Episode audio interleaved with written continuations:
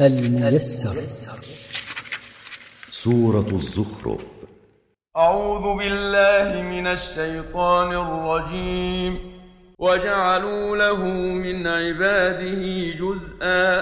إن الإنسان لكفور مبين. وزعم المشركون أن بعض المخلوقات متولدة عن الخالق سبحانه حين قالوا الملائكة بنات الله. إن الإنسان الذي يقول مثل هذا القول لكفور بين الكفر والضلال.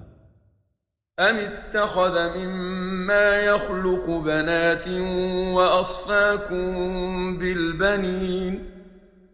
أتقولون أيها المشركون اتخذ الله مما يخلق بنات لنفسه وأخلصكم بالذكور من الأولاد؟ فأي قسمة هذه القسمة التي زعمتم؟ وإذا بشر أحدهم بما ضرب للرحمن مثلا ظل وجهه مسودا وهو كظيم وإذا بشر أحدهم بالأنثى التي ينسبها إلى ربه ظل وجهه مسودا من شدة الهم والحزن وظل هو ممتلئا غيظا فكيف ينسب إلى ربه ما يغتم هو به إذا بشر به؟ أومن ينشأ في الحلية وهو في الخصام غير مبين؟ أينسبون إلى ربهم من يربى في الزينة وهو في الجدال غير مبين الكلام لأنوثته؟ وجعلوا الملائكة الذين هم عباد الرحمن إناثا أشهدوا خلقهم؟ ستكتب شهادتهم ويسألون. وسموا الملائكة الذين هم عباد الرحمن سبحانه إناثا. أحضروا حين خلقهم الله فتبينوا أنهم إناث؟ ستكتب الملائكة شهادتهم هذه ويسألون عنها يوم القيامة ويعذبون بها لكذبهم وقالوا لو شاء الرحمن ما عبدناهم ما لهم بذلك من علم إن هم إلا يخرصون. وقالوا محتجين بالقدر لو شاء الله ألا نعبد الملائكة ما عبدناهم فكونه شاء ذلك منا يدل على رضاه. ليس لهم بقولهم هذا من علم إن هم إلا يكذبون. أم آتيناهم كتابا من قبله فهم به مستمسكون أم أعطينا هؤلاء المشركين كتابا من قبل القرآن يبيح لهم عبادة غير الله فهم متمسكون بذلك الكتاب محتجون به. بل قالوا إنا وجدنا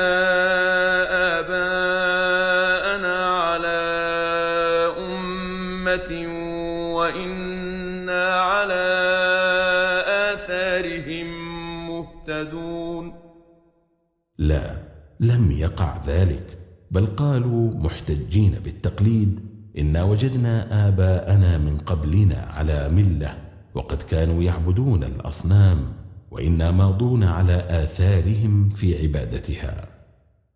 وكذلك ما أرسلنا من قبلك في قرية من نذير إلا قال مترفوها إلا قال مترفوها إنا وجدنا آباءنا على أمة وإنا على